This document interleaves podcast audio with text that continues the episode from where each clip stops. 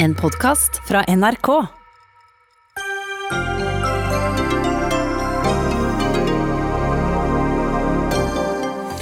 Det tilspisser seg mellom kommunene i nord og næringslivet. I går ba NHO regjeringen om å bruke koronaloven mot kommuner som ikke vil innordne seg etter de felles nasjonale smittevernreglene. Har kommunene rett, eller kan staten overkjøre dem? To jurister kommer til Dagsnytt 18 for å avklare. Flere kulturinstitusjoner som finansieres av det offentlige, permitterer ansatte. Det er å belaste det offentlige to ganger, kritiserer Forskerforbundet. Hun mistet både hus og leiebolig under finanskrisen i 2008. Nå advarer hun mot å gjøre en ny generasjon til gjeldsslaver. Og Norge trenger bedre matsikkerhet, advarer Senterpartiet. Er ingen trussel mot mattilgangen her i landet, svarer regjeringen.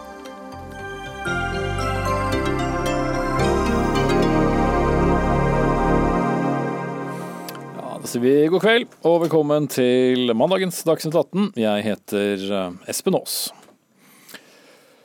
Og vi starter med det tidvis eh, tilspissede forholdet mellom flere kommuner, eh, særlig i Nord-Norge, og norsk næringsliv. For i går kom regjeringens varslede veileder for kommuner som vil ha egne karanteneregler. Men til tross for skarp kritikk fra både NHO og LO, ble det ikke lagt ned noe forbud mot de lokale tiltakene, som f.eks. karantener for folk som krysser kommunegrensene i større eller mindre grad. Til nå har 124 kommuner innført egne lokale regler. Og Jusprofessor Hans Petter Graver, du har sagt at kommuner som innfører karantene for folk som kommer reisende fra andre steder i landet, bryter loven. Hvordan begrunner du det? Rettsgrunnlaget som kommunene har, er smittevernloven. Eh, og det er eh, kan vi si, to betingelser som eh, må være oppfylt for at de kan kunne gi bestemmelser om karantene. Det ene er at de etter en tolkning av loven har hjemmel til det tiltaket overhodet. Og det andre det er om Eh, tiltaket, hvis de har hjemmel, kan brukes i de situasjonene hvor de vil bruke det. Eh, og Der er forutsetningen den at eh, det må være nødvendig. Dvs. Si at karantene må være et egnet tiltak for å begrense smitte, og det må være et nødvendig tiltak. Og karantenebestemmelsene må ikke være mer inngripende enn nødvendig.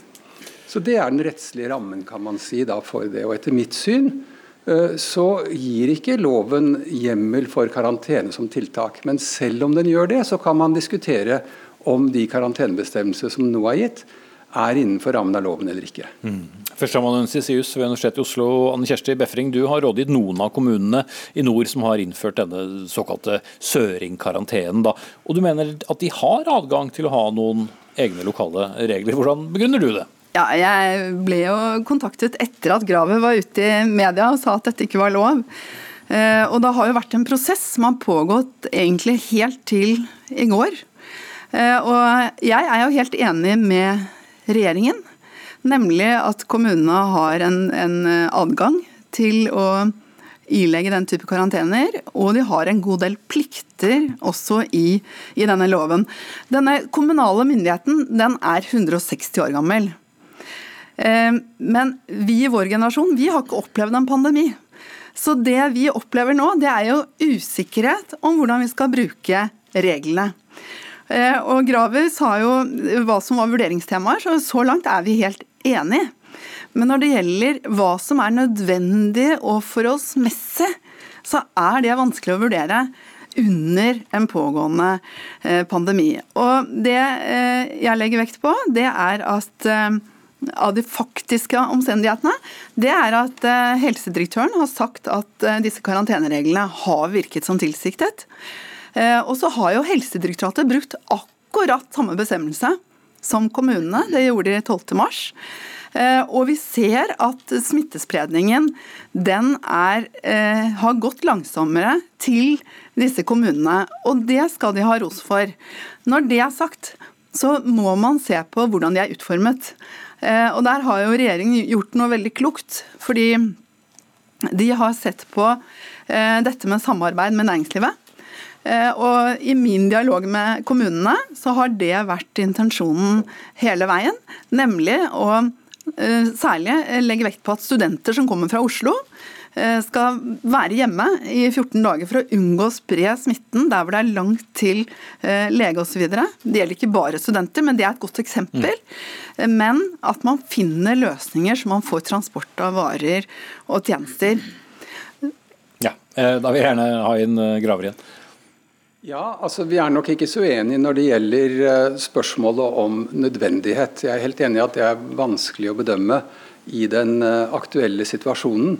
Eh, nå gir jo regjeringen en del føringer i denne veiledningen for den vurderingen. Eh, jeg syns kanskje det er litt skuffende at eh, regjeringen nøyer seg med slike føringer i en veiledning, fordi nettopp fordi det er vanskelige vurderinger, så bidrar det til å Eh, opprettholde en rettsusikkerhet for de som skal forholde seg til dette. Mm. Så de burde vært mer konkrete eh, enn de var i den veilederen? rett og slett? Ja, altså jeg, jeg syns at her burde regjeringen eh, sagt at det å uh, ha uh, begrensninger i uh, folks kommunikasjon og ferdsel gjennom landet, det er et nasjonalt ansvar. Og Her burde regjeringen tatt det ansvaret i samarbeid med kommunene og lagd bestemmelser som de har hjemmel til. Eh, som det ikke kunne reises tvil om var lovlig eller ikke. Jeg har også vil bare si til dette med at vi har hatt slike regler i, i hundrevis av år. altså Da vi fikk den nåværende loven, eh, så skjedde det en vesentlig innstramning i kommunens gjennomsnittsgrunnlag. I den gamle sunnhetsloven så kunne kommunene vedta de tiltak som var nødvendig for å håndtere situasjonen. Eh, men i den nye loven så har vi fått en mye mer presist utformet hjemmelsbestemmelse. Og etter mitt skjønn, hvis man leser den med vanlige prinsipper om lovtolkning, eh, så er det tvilsomt om den gir hjemmel. Men jeg forstår jo at uh, i en ekstraordinær situasjon så er det mange som vil lese loven på en måte som avviker fra det som er den vanlige lesningen. Og ofte så aksepterer også de høyeste rettsmyndighetene en slik lesning. Så jeg ser utmerket godt at man her kan hevde begge syn. Mm, ja, Det var jo den samme hjemmelen Helsedirektoratet brukte. Og her er jo kommunene det primære. Det er de som skal vurdere dette først. Eh, og jeg mener det er feil å si altså Det er riktig at vi fikk nærmere angitte kriterier i loven. Men samtidig så fikk kommunene et mye tydeligere presisert ansvar for sin egen befolkning. Og så har jeg lyst bare å si at dette dreier seg ikke om et innreiseforbud eller et forbud om å reise gjennom landet. Eh, for det har man unntak for. Eh, og jeg mener jo at regjeringen kanskje går litt langt i å angi eh, disse unntakene, fordi begrunnelsen for å ha lokale ordninger er at vårt land er så forskjellig, og det er så forskjellige behov. Og Det må vi skjønne, vi som sitter her sørpå. Og skjønne at det er kommuner i Nord-Norge hvor det er veldig sårbart, ikke bare med smittespredning, men også med helsehjelp til befolkningen. Mm. Så mens Graver gjerne skulle hatt en litt mer konkret regjering, så vil du gått motsatt vei. Men det er andre som eh, skal si, hevd stemmen i går også. Ole Erik Almlid, administrerende direktør i, i NHO, så deg på pressekonferansen i går. og Du gikk ganske kraftig ut mot disse lokale karantenene, og har rett og slett bedt regjeringen bruke krisefullmaktsloven for å få, få slutt på dette om nødvendig. Er det virkelig blitt et så stort problem? Dette er et stort problem for veldig mange av våre bedrifter. Vi, vi eh, får meldinger om det hele tiden. Om bedrifter som opplever at eh, arbeidskraften ikke kommer seg over kommunegrensa, og virksomheten må tas ned av den årsaken. Deler, utstyr kommer ikke over. Service, eh, servicemedarbeidere kommer ikke over grensen og kan holde eh, kjøledisker i orden osv. Så, videre. så det alle bransjer hos oss melder om at dette er et stort problem. Så vil jeg jo si at det tror jeg veldig mange ordførere også ser veldig godt nå. Så den veilederen som kom i går, den bør lyttes til. Og vi har sagt det bør ikke være egne lokale smitteverntiltak, så lenge at vi har tillit til at myndighetene gjør en god jobb på det, og det har vi. Alle sammen. Det de har kommet med er tilstrekkelig nå. Men hvis du likevel velger å ha lokale smitteverntiltak, så får du i hvert fall følge denne veilederen, slik at det legges til rette for at næringslivet kan holde hjulene i gang.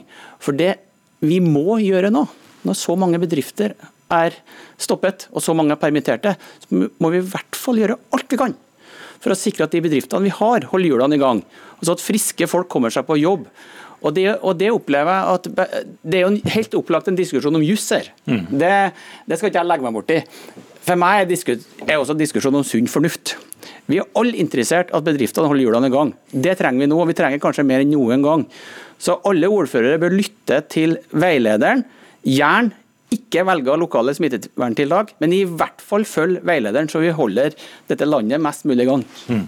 Ja, Det er forskjell på tolkning av sunn fornuft eh, som på juss, vil jeg tro. Sture Pedersen, eh, du er ordfører i, Bø i Vesterålen eh, fra Høyre, og dere innførte tidlig en 14 dagers karantene for alle tilreisende sør for Dovre. og I går så valgte dere faktisk å trekke grensen enda lenger nord, slik at også alle fra Trøndelag og da sørover må gå i, i karantene. Så hvordan leser du denne veilederen?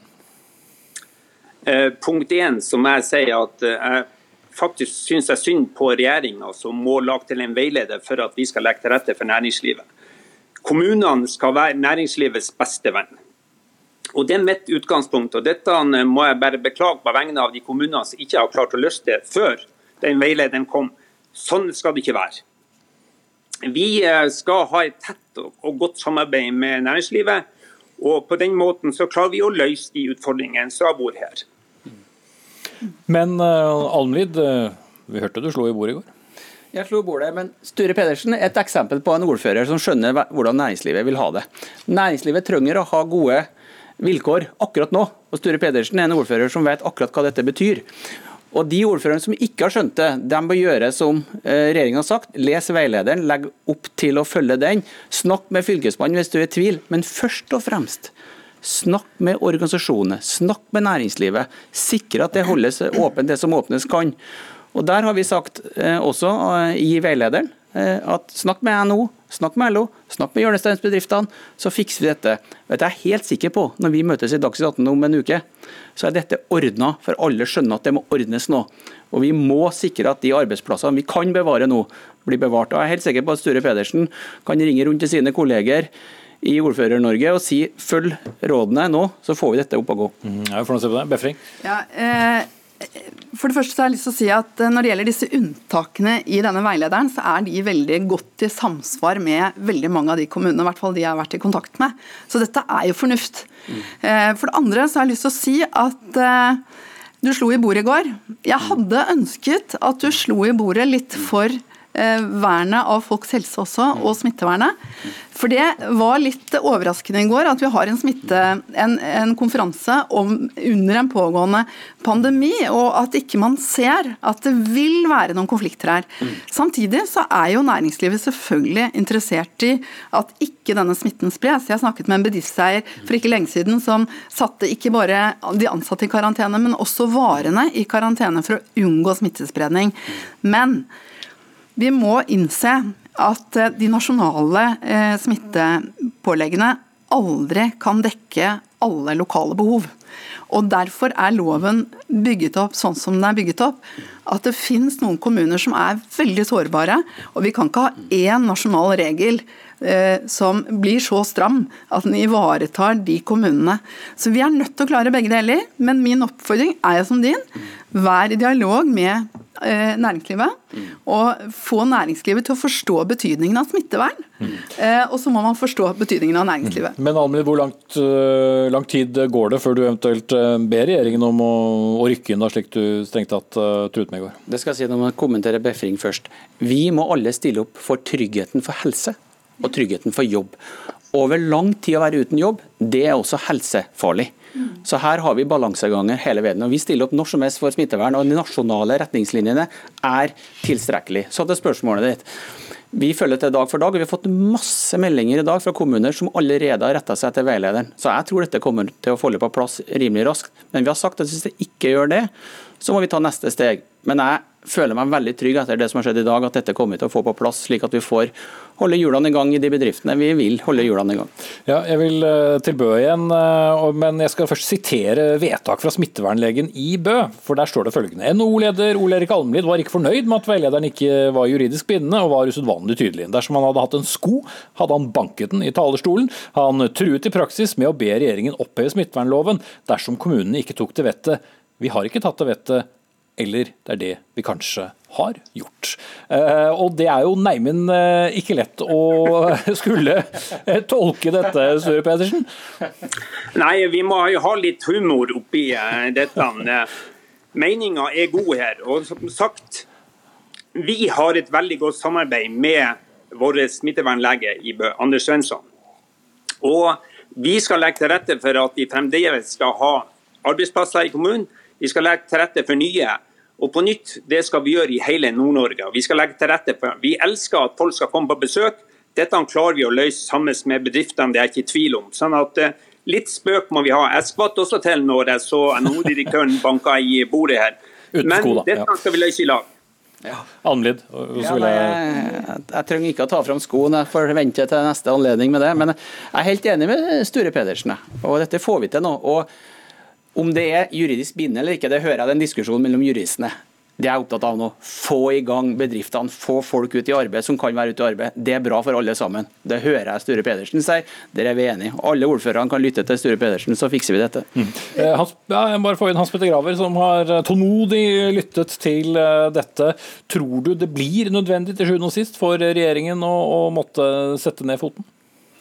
Det, det, virker jo ut fra den dialogen som er, at man klarer å finne løsninger. Eh, det tror jeg, og det håper jeg. Eh, og jeg vil også understreke at det er jo ikke Diskusjonen går jo ikke på om kommunene kan vedta lokale tiltak, men det diskusjonen går på, det er om de kan vedta karantenebestemmelser. Altså sette friske mennesker som ikke er smittet, eller hvor det ikke er mistanke om smitte, i karantene og dermed hindre dem fra å utøve sin normale aktivitet. Det er det spørsmålet går på. Og det er heller ikke tvil om at loven gir myndighet til det, men den legger den til regjeringen og de sentrale myndighetene. Så diskusjonen her går jo på eh, fordelingen av myndighet mellom sentrale og lokale myndigheter. Mm. Jeg ser at du rister på hodet, Befring. Du skal være veldig eh, kjapp til slutt. Ja, altså, Helsedirektoratet ga jo dette vedtaket om karantene først. Jeg mener at det ligger i 4.1 om å brukes med fornuft. Vi snakker om at alle kommunene innretter seg. Den prosessen tror jeg startet for mer enn tre dager siden. Men vi vet ikke hva som skjer om en uke med denne pandemien, og vi må tenke helse-smittevern først. Ja, det er i hvert fall én ting som er sikkert, det er at vi vet veldig lite om fremtiden når det gjelder denne saken. Det kan nok alle fire være enige om. Takk til eh, Anne Kjersti Befring, førsteamanuensis i juss ved Universitetet i Oslo. Ole Erik Almlid, administrerende direktør i NHO. Hans Petter Graver, jusprofessor ved Universitetet i Oslo. Og Sture Pedersen, ordfører i Bø i Vesterålen. Dagsnytt 18 alle hverdager kl 18.00 på NRK P2 og NRK2.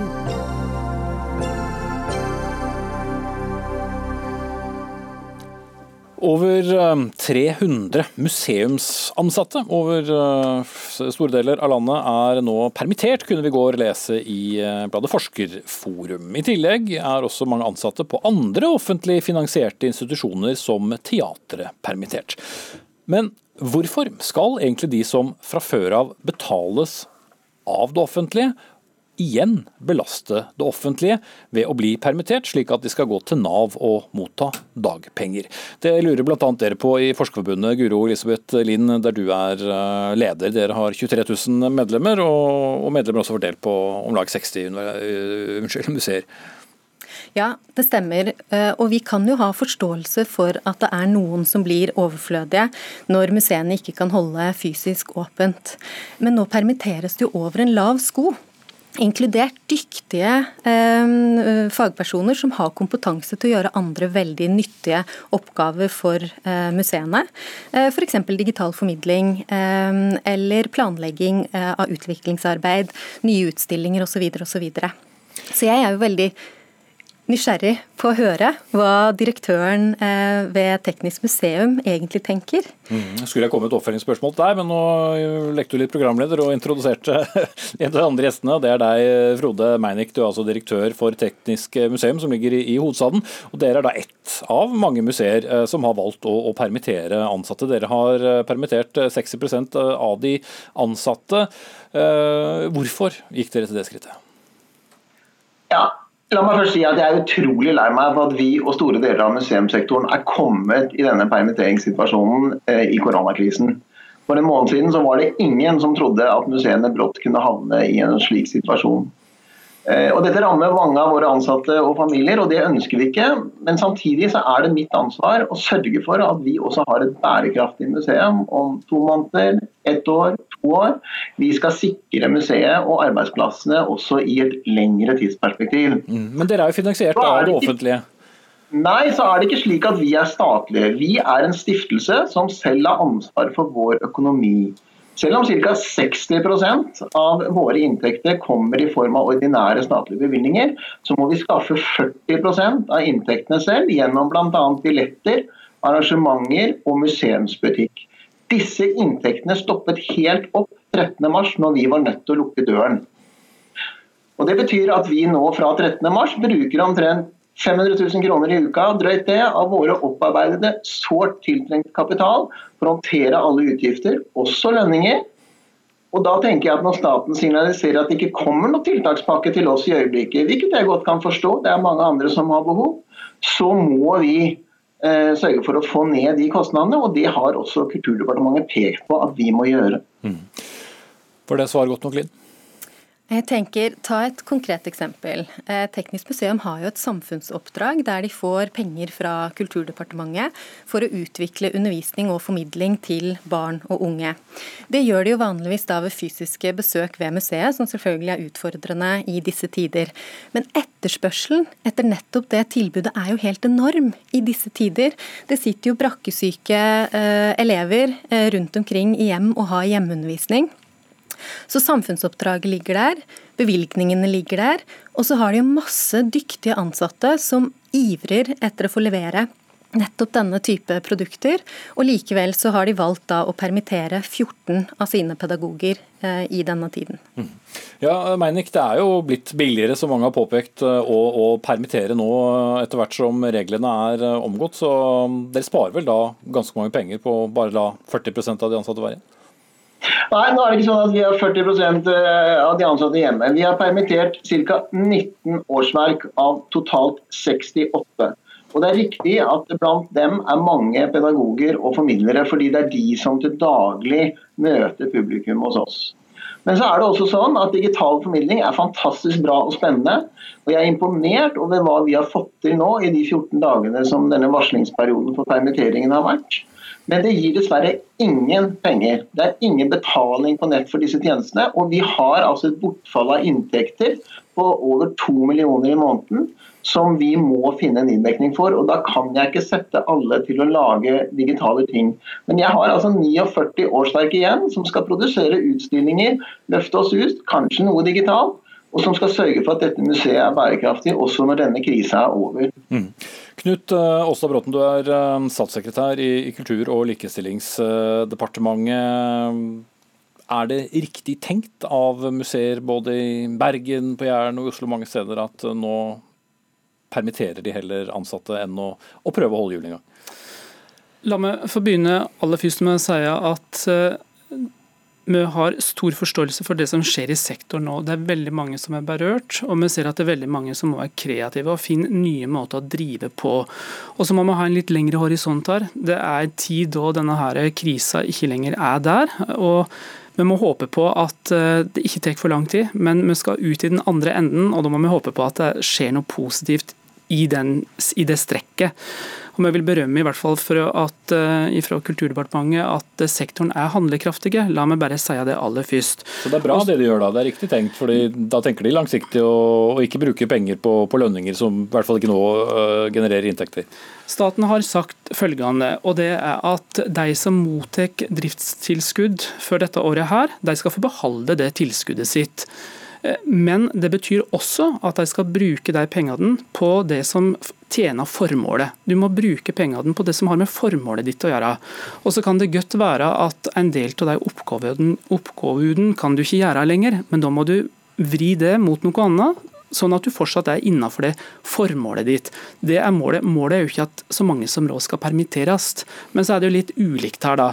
Du har de institusjonene som i stor grad får støtte fra det offentlige, og så har du de institusjonene som i stor grad lever av billettinntekter og andre inntekter. Og Der har staten sagt at vi har en kompensasjonsordning som gjør det sitt at du kan få dekka tap av inntekter hvis du er en institusjon som har under 60 eh, offentlig tilskudd. Så det er jo rom for å få dekka eh, noe av det som faller bort. Det er det jo. Mm. Uh, ja, mye, mye, tolkning ligger egentlig i dette svaret ditt, uh, da, Bråten. Men når da uh, eh, 300 så langt hvert fall museumsansatte landet over blir, blir permittert, så er det innenfor det rommet, forstår jeg det riktig da? Altså, det som er Hovedpoenget når du får driftstilskudd og får beholde driftstilskuddet ditt, så må det være at du Eh, skal bruke det på det som er formålet ditt. Ergo, da må du jobbe med det som du fortsatt skal jobbe med. Men hvis du ikke kan gjøre det, så er det jo ikke, eh, da er det jo ikke rom for Da er det jo klart det er naturlig å kunne tenke på at en må permittere, tilsette. Men det er jo ikke et mål at en skal gjøre det. Men dette der er jo også et spørsmål som er opp til den enkelte institusjonen å vurdere også. Dette kan Så dere går ikke inn, selv om dere jo finansierer eh, veldig mange av disse institusjonene, helt eller delvis? Nei, vi kan ikke. Det er opp til det enkelte styret, det er opp til den eh, enkelte ledelse å vurdere hvordan den enkelte institusjon skal behandle dette. Så det kan ikke Eh, Kulturdepartementet gjøre. Mm. Så er det offentlige myndigheter da, Guru Elisabeth Lind, som eh, jo har sørget for uh, at veldig mange institusjoner må stenge, rett og slett fordi vi ikke skal få større smittespredning enn nødvendig. og Da er det kanskje ikke så rart om ting blir som det blir, og at det offentlige også da er de som lønner folk i, i permisjon via dagpenger i land. Ja, man kan kanskje si det, men, men, det er jo fascinerende når man ser på andre virksomheter rundt oss, og så ser på hva skolene får til i denne perioden. Se hva universitetene får til. De har gått over til heldigitale løsninger ved å tenke nytt og kreativt. Mm. Men de betaler ikke skolepenger da, eller inngangsbilletter som uh, man gjør på museer eller teater? Nei, men hvis du tenker på, uh, på tildelingen uh, av offentlige midler til museene, så er den betydelig. og det er mange som har høy prosent av tildelinger, og som burde opprettholde eh, en, eh, en god aktivitet også i denne perioden. Så Det vi etterlyser er jo den kreativiteten, dugnadsånden. altså Det som er viktig i samfunnet nå, det er jo at alle som står i jobb, og som kan stå i jobb, faktisk gjør det. Ehm, det er jo viktig for å holde hjulene i gang i samfunnet. Mm. Ja, eh, Meinik, Hvis du hadde hatt eh, alle ansatte på, på jobb eh, videre, hva hadde det gjort med, med, driftsbudsjettet ditt, som forhåpentligvis skal jo også brukes til å, å motta besøkende fra land og strand en gang i, senere i år? Nei, altså Hvis vi ser på hva vi har av frie likvide midler og egenkapital, så vil de, hvis vi ikke gjør noen grep, være brukt opp i starten av august.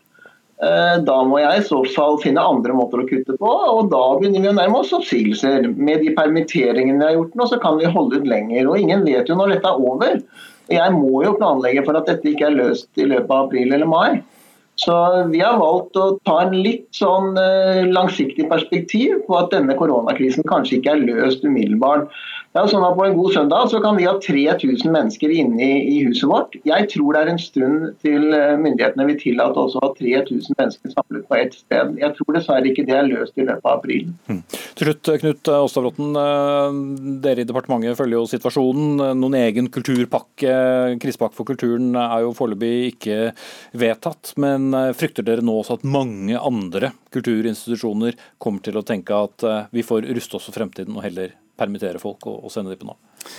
Dette er et uh, veldig krevende spørsmål med veldig mange svar. Det er ikke en enkel løsning på dette. her. Det er mange løsninger på det. Men jeg tror vi gir det klokt i nå framover å prøve å søke litt sammen, snakke sammen. Prøve å se om det finnes eh, løsninger på tvers av både sektorer. Uh, og så er vi i departementet veldig tilgjengelige hele tida. Vi jobber med Eh, vi jobber med alle muligheter, eh, og vi er åpne for alle som har gode tiltak og tanker og ideer på blokket. Mm. Jeg vet ikke om det var ja eller nei til at du fryktet for flere permitteringer? Nei, altså Vi frykter jo selvsagt at det blir massepermitteringer rundt omkring, og det er jo ikke det en ønsker. En ønsker ikke det.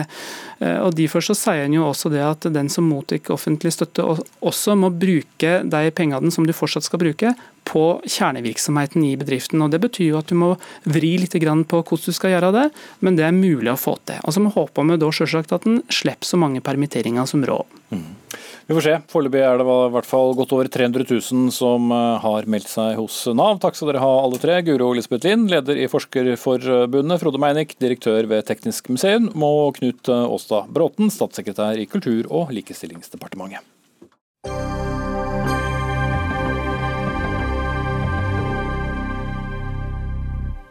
Litt eh, senere i Dagsnytt 18 skal vi snakke om det å ha troen på at det vi nå står i til halsen, også går over. Vi skal bl.a.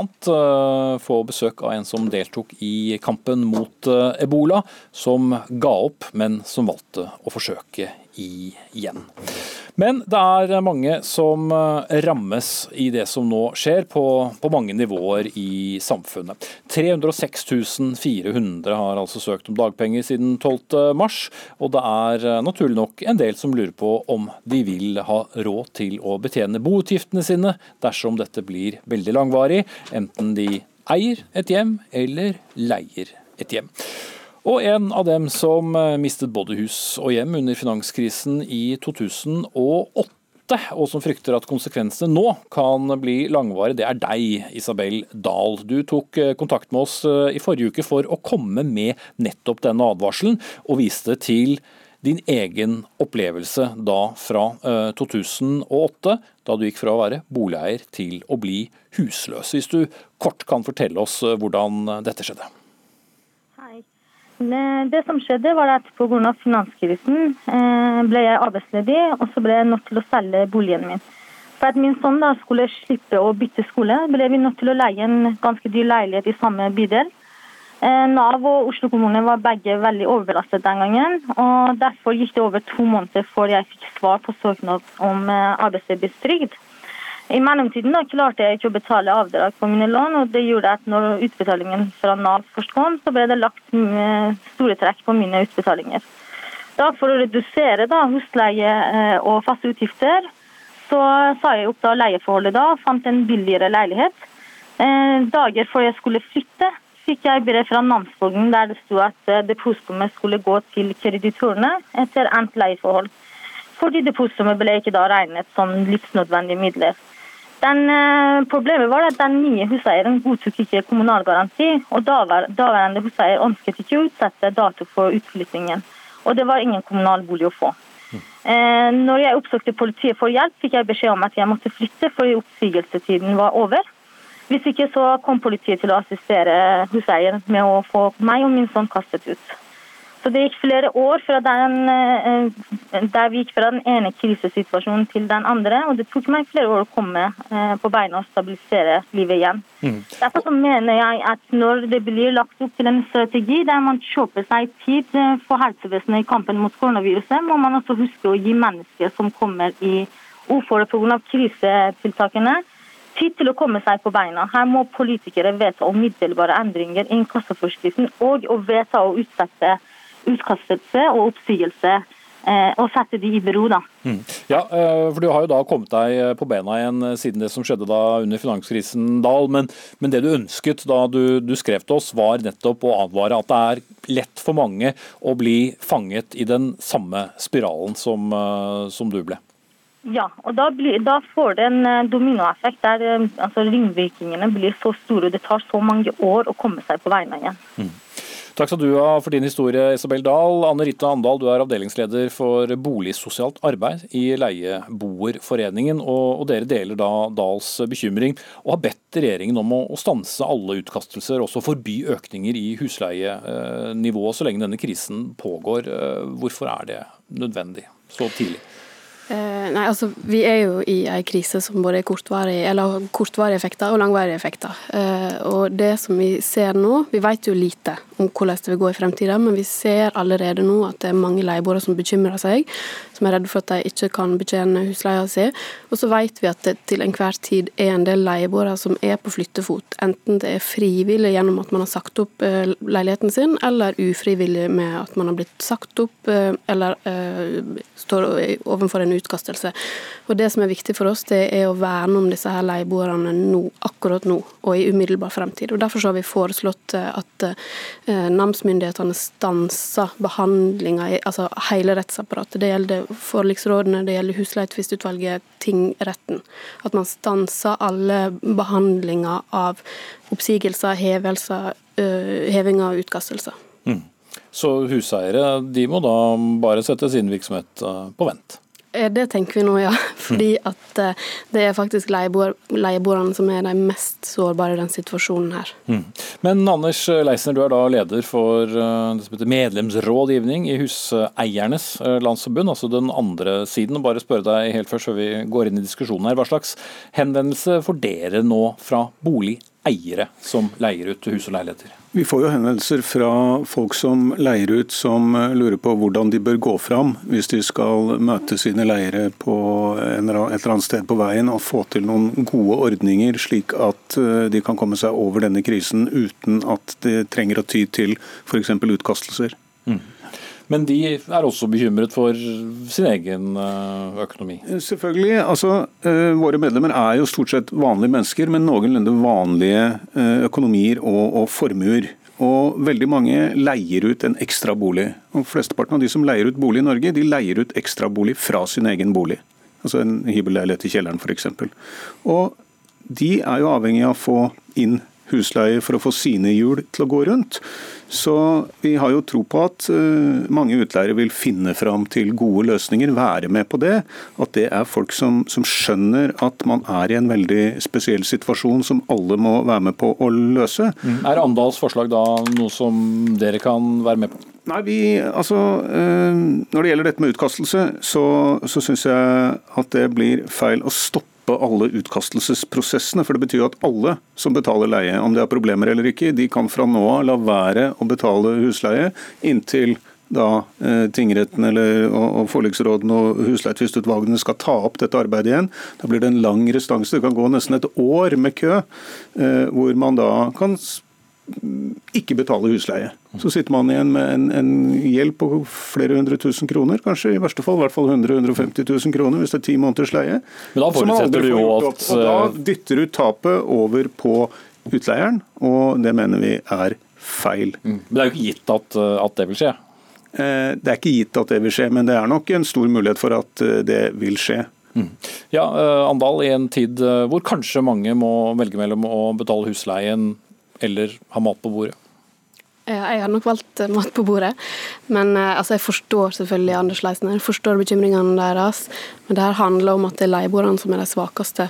Og nå er det jo også sånn at eh, Verden vi lever i akkurat nå, den forandrer seg omtrent fra dag til dag. Det her er, som vi har nå foreslått for Kommunaldepartementet, det er forslag til kortsiktige tiltak.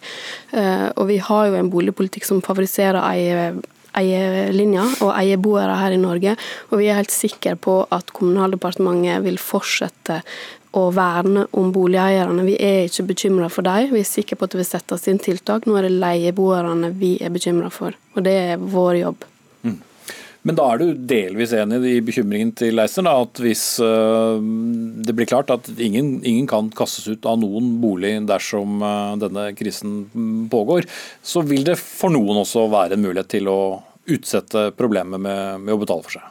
Ja da, vi ser det. Eh, og vi oppfordrer selvfølgelig alle våre medlemmer om å betale husleiene sine. Mm. Men som sagt så er det altså ganske mange leieboere som er sårbare, og som er mye mer sårbare enn boligeiere er.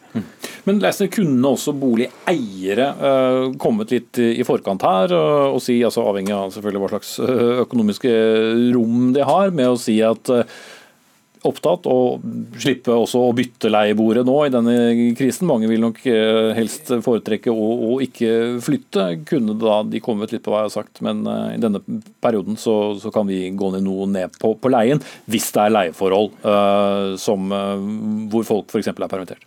For all del, og det, det, oppfordrer vi folk til å gjøre, og det merker vi på de som kontakter oss at veldig mange er interessert i å gjøre. Uh, for det første så er vi jo i en, en vanskelig situasjon, og vi ser at folk har et stort hjerte, mange, og, og vil gjerne hjelpe til. For det andre så er det jo ikke Det er ikke bare bare å hvis man driver med utleie og en, utleier, en leieboer forsvinner, så må man jo få inn en ny en osv. Så, videre. så det kan være veldig lurt eh, på alle måter å hjelpe til med at man kommer over denne kneika så, så smertefritt som mulig for begge parter. Og Det kan godt tenkes at uh, utleiere må være med og gi litt her, men det må jo hver og en vurdere opp til hva de har mulighet til å bidra med. Mm. For hvis folk trenger, uh, altså hvis folk ikke har råd til å bo, så er det jo i utgangspunktet det offentliges ansvar, og ikke, ikke utleierens. Mm. Men så har du de litt mer kyniske huseierne som tenker at uh, jeg har ikke noe lyst til å, å leie ut denne boligen til under den markedsprisen jeg mener jeg bør ha, så da vil jo noen fort havne på gata. Det har de, og da har vi jo ordninger for eh, folk som ikke har eh, råd til å betale bokostnadene sine. Eh, de kunne sikkert vært bedre, og i denne situasjonen så bør man jo kanskje se på hvis dette fortsetter. Foreløpig er vi jo tre uker inn i en krise som kan for mange ikke, Det er ikke sikkert at den varer så lenge. Men hvis det viser seg at det er nødvendig med bedre offentlige tiltak, så bør de som har ansvar for det, komme på banen med det. Mm. Ja. Men det er mange om beinet som vil ha offentlig hjelp, eh, Andal? Det er det, ja. Men eh, jeg syns ikke at vi har nok, et godt nok støtteapparat for de som er mest vanskeligstilte. Og nå jobber jo regjeringa med å legge fram en boligsosial stortingsmelding, som helt sikkert nå blir utsatt. Men det er klart at det, for de som har det vanskeligst på leiemarked, så er det krise. Altså ikke bare pga. koronakrisa, men det er eh, altså, kommunale boliger, det er kjempelange køer, det er dårlig bomiljø vanskeligstilte leieboere bor trangt, dyrt og dårlig. Mm. Og nå blir det antagelig enda verre. Ja. Som jeg har sagt så mange ganger før, alt avhenger av hvor lang denne krisen blir. Men eh, tre uker kan også være lenge for noen. Takk skal dere ha. Eh, Anne Rita Andal, avdelingsleder for uh, Boligsosialt i Leieboforeningen. Anders Leisner, leder for avdeling for medlemsrådgivning i Huseiernes Landsforbund. Og også takk til eh, Isabel Dahl i starten av tilslaget som delte sine erfaringer. Hør Dagsnytt 18 når du vil. Radio NRK Radio.nrk.no.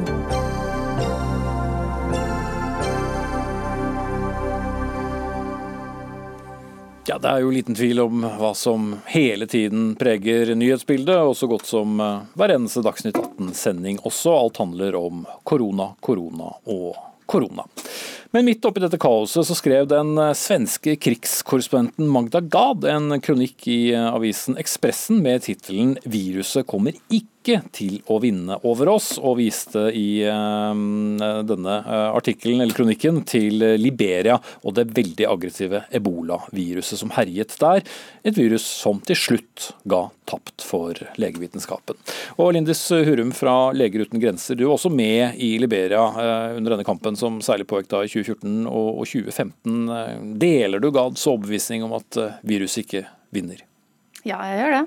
Jeg deler også hennes eh, sånn som hun forklarer den håpløse og fortvilte situasjonen som var der. Det var veldig veldig vanskelig. Jeg jobba 14 år i Leger uten grenser, og det er absolutt det oppdraget som har gjort kanskje mest inntrykk på meg. Det var så mange som døde. Vi redda rett og slett svært få. Så jeg når jeg dro derfra, så var jeg ganske mørk og tenkte at det kommer aldri til å gå over. For det er rett og slett så mange som er syke og dør, og mm. altfor lite hjelp. Og jeg tok heldigvis feil. Mm. Ja, For du ga litt opp underveis og sa at dette, dette, går ikke? Ja, det var såpass massivt eh, når det sto på som verst. og Jeg var der eh, helt fra i starten i Liberia, i Monrovia, hovedstaden, hvor det var bare under ti eh, som var bekrefta smitta da jeg kom. Eh, og da jeg dro ca. tre måneder senere, så var det, lå det døde mennesker i gatene, og det var helt unntakstilstand. Eh, så da tenkte jeg at dette uten, uten vaksine, som ikke fantes på det tidspunktet, så kommer dette ikke til å gå over. For det er for forferdelig, rett og slett. Så Man skal jo være forsiktig med altfor mange paralleller mellom uh, ebola for så vidt og, og korona, men vi er jo litt i den fasen nå hvor vi ikke aner hvor enden er. Alle sier det kommer til eh, å gå bra, men akkurat nå så er det mange som ikke forstår helt hva 'gå bra' en gang eh, betyr. Eh, hvordan skal man da klare å, tro på dette lyset langt der fremme? Fordi alle andre epidemier tilbake i historien, inkludert dette enorme utbruddet i Vest-Afrika, har gått over. Vi har vunnet over viruset. Menneske, jeg har tro på mennesket, oss som enkeltmennesker, som kommer til å ta de rette valgene og lytte til de rådene vi får akkurat som de gjorde i Liberia, kommer vi også til å gjøre. Jeg har tro på eh, legevitenskapen som kommer til å finne eh, vaksiner. Så vi kommer til å vinne denne kuren nå, denne kampen, mener jeg. Eh, hvor lang tid det skal ta, det gjenstår jo å si, men jeg er helt sikker på at vi kommer til eh, å komme forhåpentlig også litt styrket ut av det med, med viktig lærdom. Mm. Overlege Dag Jacobsen ved Ullevål Oslo universitetssykehus. Eh, deler du de den litt eh, håpefulle tankene til som vi hører her? Ja, absolutt. Altså, denne kampen skal vi vinne. Det vinner vi sammen. Spørsmålet er jo til, til, hvilken pris, og la oss håpe at det blir hovedsakelig en økonomisk pris, for det har vi råd til i dette landet. Og at det ikke blir en, en stor menneskelig, menneskelig pris. Men det er altså en, en, en, på en måte litt usynlig fiende som vi ikke er vant til å håndtere. Eh, og eh, det vi, vi snakker om dette trøkket som kommer. ikke sant, at nå, Når kommer krisen? Men krisen er altså at vi, vi går og, og, venter på at eh, det skal skje noe. Det er stille før stormen. Men denne krisen her er en jevn strøm av pasienter inn på sykehuset, og så kommer krisen i det øyeblikket vi eh, ikke klarer å utvide intensivkapasiteten på sykehuset. Og Det er det vi holder på med nå. Og Vi har et fint forsprang foreløpig, men det er et jevnt sig. Og vi fra intensivsiden, vår side, vi håper jo inderlig at trøkket holdes. Mm. så det ikke blir noen stor krise hvor det kommer en topp? Ja, og, og at hvermannsen Nå var det en, en i helgen igjen, eh, à la Bergen forrige, forrige, uke, ikke sant, som ikke innretter seg etter, etter regjeringens eh, um, restriksjoner. Men det, mm. det, det må, der må det en skjerpings til. altså. Ja, og Sammen med flere andre kolleger så skriver du et innlegg i Bergens Tidende i dag at målet må være å redusere denne spredningen like raskt som i Sør-Korea og, hva må i så fall til? Ja, Det er naturlig. Når, når vi ikke vet hva vi, vi uh, står overfor, så må vi se til andre uh, som har klart det. Og Sør-Korea er da et av land som, uh, som har klart det. Og Der er det tøffe tiltak. og Vi er et opplyst folk. og Jeg tror jo folk skjønner Bent Høie og statsministeren når de forklarer hvorfor det er nødvendig med disse tiltakene. Mm. Men for de som ikke eh, har sett like nøye på, på tiltak i, Sør-Korea, hva, hva, skulle vi da i så fall gjort her i Norge som ikke vi gjør nå? Nei, det, det er jo å se til Danmark, som kjører en, en, en, litt tøffere policy. ikke sant? Og så må man slutte å sammenligne så mye mellom landene. ikke sant? Fordi Se på de skandinaviske landene. Utgangspunktet til svenskene i forhold til Danmark Danmark og Norge, er jo at vi har en eh, mye bedre økonomi, slik at folket forventer, og vi har muligheter for å gjøre ting som man i Sverige ikke har muligheter til. Det, det, Men du har flere folk innendørs? Ja, litt, stramme litt inn hvis det var jeg som bestemte. Nå er sikkert mange glad for at jeg ikke bestemmer.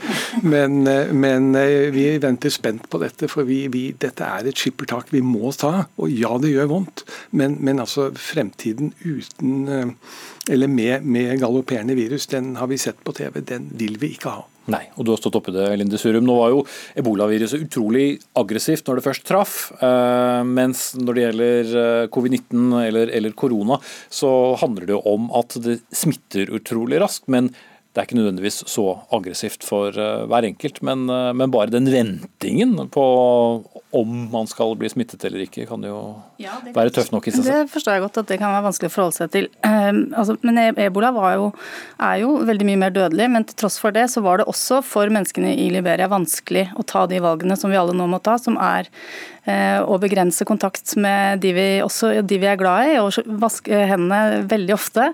Eh, fordi eh, de ikke helt så faren før det ble så ille at det altså var døde mennesker i gatene. Så jeg tenker jo også at En ting er hva myndighetene bestemmer, men hva vi alle vi mennesker det var det som gjorde at det tok slutt med ebola i Liberia. Det var at hver enkelt menneske til slutt sluttet å gjøre det som er unaturlig å slutte med, som er å ta seg av de du er glad i når du blir syke f.eks. Ikke klemme på foreldrene dine, eh, ikke stelle de døde når, de dør. Eh, og det skjedde først når mennesker ble redd. Altså En rett dose frykt, ikke panikk, men en rett dose frykt og respekt for det viruset. Det sliter vi nok litt med her, i og med at det ikke er så dødelig som ebola. Men vask hendene. Det er rett og slett et virus som vi kan vinne over med noe så enkelt som så på vann. Mm. Til slutt, eh, Jacobsen, tenker du også at vi vi er ikke blitt redde nok? Eh, Kanskje, men det er en frykt blant helsepersonell som jobber der. Dette er jo ikke ufarlig. Det er jo anslagsvis 60-70 eh, leger og sykepleiere som er døde av eh, sitt arbeid i eh, Italia. Så dette med smittevernutstyr, veldig glad for at ministeren vår fokuserer veldig på det. Altså For trygghet når du står i førstelinje, det er alfa og omega. Hvis du føler at du ikke er trygg, da er det game over. altså. Mm. Og Hele poenget med samtalen var også å kunne se frem. Eh, og jo flinkere hver Dette får vi til. Ja, får vi til. Men det betyr også, som du sier, eh, Linde Surum, at da må, må, alle også være med på. Og jo mm. flinkere alle er, jo raskere kommer vi mm. dit. Og Det er vel også nå vi har lært også litt mer hvordan samfunnet faktisk er, er satt sammen, og vi plukker det litt eh, fra hverandre. Takk skal du ha, Linde Hurum fra Leger uten grenser og Dag Jacobsen, overlege ved Oslo universitetssykehus.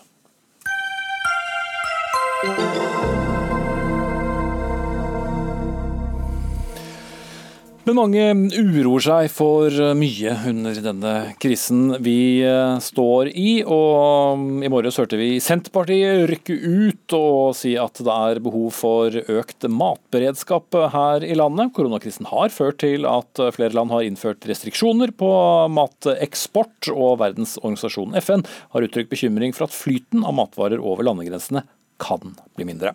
Og annet eh, har Vietnam redusert salget av ris til andre land, og Kasakhstan vurderer avgrensing av eh, kornsalget. Og Trygve Slagsvold Vedum, leder i Senterpartiet, det var deg vi hørte i Dagsnytt eh, i morges hvor du sammenlignet økt matvareberedskap i Norge med, med brannforsikring, som folk flest har på boligen. Men du er ikke i overkant bekymret tidlig nå, da? Det er en eh, politikers eh, jobb og myndighetens jobb å bekymre seg for grunnberedskapen i et uh, samfunn. og at, at vi skal ha medisin, at vi skal ha mat, medisinteknisk utstyr, ha de grunnleggende tingene. Og For 14 dager siden så var det utenkelig at eh, medisinske utstyr skulle bli stoppa på svenskegrensa. Det ble det. Heldigvis klarte man å få ordna opp i det. Og For en uke siden så var det egentlig utenkelig at det skulle stoppa eksport av håndsprit fra Polen til Norge. Det har blitt stoppa, det endrer ikke ordna opp.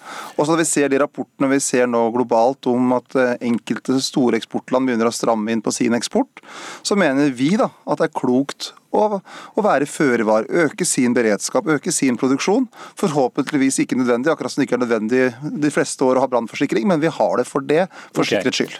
Men eh, nå har vi jo da mer eller mindre kommet forbi det stadiet hvor folk tømmer butikkene for egg og mel og gjær og mange basisvarer, og så går du ut i den største radiokanalen i, i Norge og sier ja, men jeg er litt redd for at ikke vi får nok mat likevel. Sprer du ikke snarere mer frykt? Hvis den hørte hva jeg sa, så sa jeg at det handla om at vi som samfunn skulle forberede oss. og jeg har ment over tid at vi i Norge har hatt en for liten beredskap når det gjelder matsikkerhet. For Man vet jo at når det blir eh, usikkerhet rundt mat, så slutter markedet å fungere, og da er det bare politikk som, eh, som styrer det. Og Men da ber jo egentlig staten ha panikk, da? Nei, ikke, ikke av panikk. Jeg har ikke panikk når jeg tegner brannforsikringa heller. Altså, det gjør jeg jo i ro og mak, men jeg tenker at det er klokt for å sikre meg. Og Det samme når det gjelder uh, matsikkerhet. Det er ikke noe med panikk å gjøre, men det er å være forberedt. Og så har de siste ukene lært oss at uforutsette ting skjer hele tida. Og når vi nå er i starten av vekstsesong, kan det ikke være lurt å tenke at vi produserer litt mer, vi er litt bedre forberedt. Forhåpentligvis er det ikke nødvendig for at ting går bra. De globale matvaremarkedene vil fungere. Produksjonen i storeksporterende land uh, skal, at det går fint. Men hvis de ikke gjør det, så er det klokt å, å være bedre rusta. Og Norge er veldig dårlig rusta, for at vi importerer over halvparten av all maten vi spiser. Olaug Bollestad, landbruks- og matminister fra Kristelig Folkeparti. Din statssekretær eh, sa i det samme innslaget at eh, vi ikke trenger noen nye tiltak for å bygge opp nye matlagre. Men kan vi være så sikre? Eh, I en usikker tid så tenker jeg er det noe folk trenger å høre, så er det faktisk ikke usikkerhet om vi har mat når vi vet vi har mat nå. Eh, og jeg tenker at um, det er mat nok for alle. Det er matproduksjon i Norge, den går som normalt så langt. Eh, og så er det sånn at Når Trygve nå sier at vi har kun 50% av det vi spiser sjøl, så er det sånn at da regner han det en person spiser i løpet av et år, f.eks. av druer og bananer og sukker og kakao og alt dette, ja da har vi altså 50% Men vi er selvforsynte på kjøtt. Vi er selvforsynte på egg. Vi er selvforsynte på, på, på melk og melkeprodukter. Vi er selvforsynte på fisk. Og vi er 60% selvforsynt i år på kveitemjøl eller på mjøl. Ehm, og Det betyr at vi må ikke skape en usikkerhet hos folk. Det som er utfordringen for oss, det er jo faktisk transporten. At vi får den maten som bøndene produserer til slakteriet eller til meieriet eller til osteriet. Fordi dette er folk som skal behandle dette, og folk er syke. Dette er helsekriser først og fremst. Sånn Så du er mer bekymret for flyten innenlands ja, enn å få og, Men òg utenlands. Men vi har jo sett at noe av den flyten Men per i dag har vi ikke hatt noen problemer med å få inn det vi trenger av mat. Men i Norge har vi gjort noen forhåndsregler. Vi har endra kjøre- og hviletiden for sjåfører for å sikre at det skal være nok folk til å kjøre. Vi har prioritert veterinærer at, og Mattilsyn der de skal kontrollere maten vår. Vi har til og med gjort ting inne på slakteriet for at ikke folk skal stå for tett og bli syke utvide døgnet for å være sikker på at vi okay. produserer noe. Og Da mener jeg, da må vi ikke så en usikkerhet blant folk at vi ikke har nok mat. Fordi vi har nok mat, og det er ganske viktig for meg å si, så vi ikke legger stein til børa for folk som har det krevende i dag. Mm. Og så er jeg enig med Trygve i at vi skal alltid ha øyne for en beredskap, og jeg er enig i at vi skal produsere det vi kan på norske eh, eh, eh, ressurser av det som vi som forbrukere kjøper, og det er kjempeviktig. Mm. Ja, Du satt jo en gang i eh, Landbruksdepartementet selv eh, som statsråd Trygve Slagsvold eh, Vedum. Var du da bekymret over selvforsyningsgraden vår? Ja, og, ja, Vi vedtok også i 2013 at vi skulle gjeninnføre beredskapslagring av korn i Norge. Nettopp fordi at det var en av de varene vi var mest sårbare på også.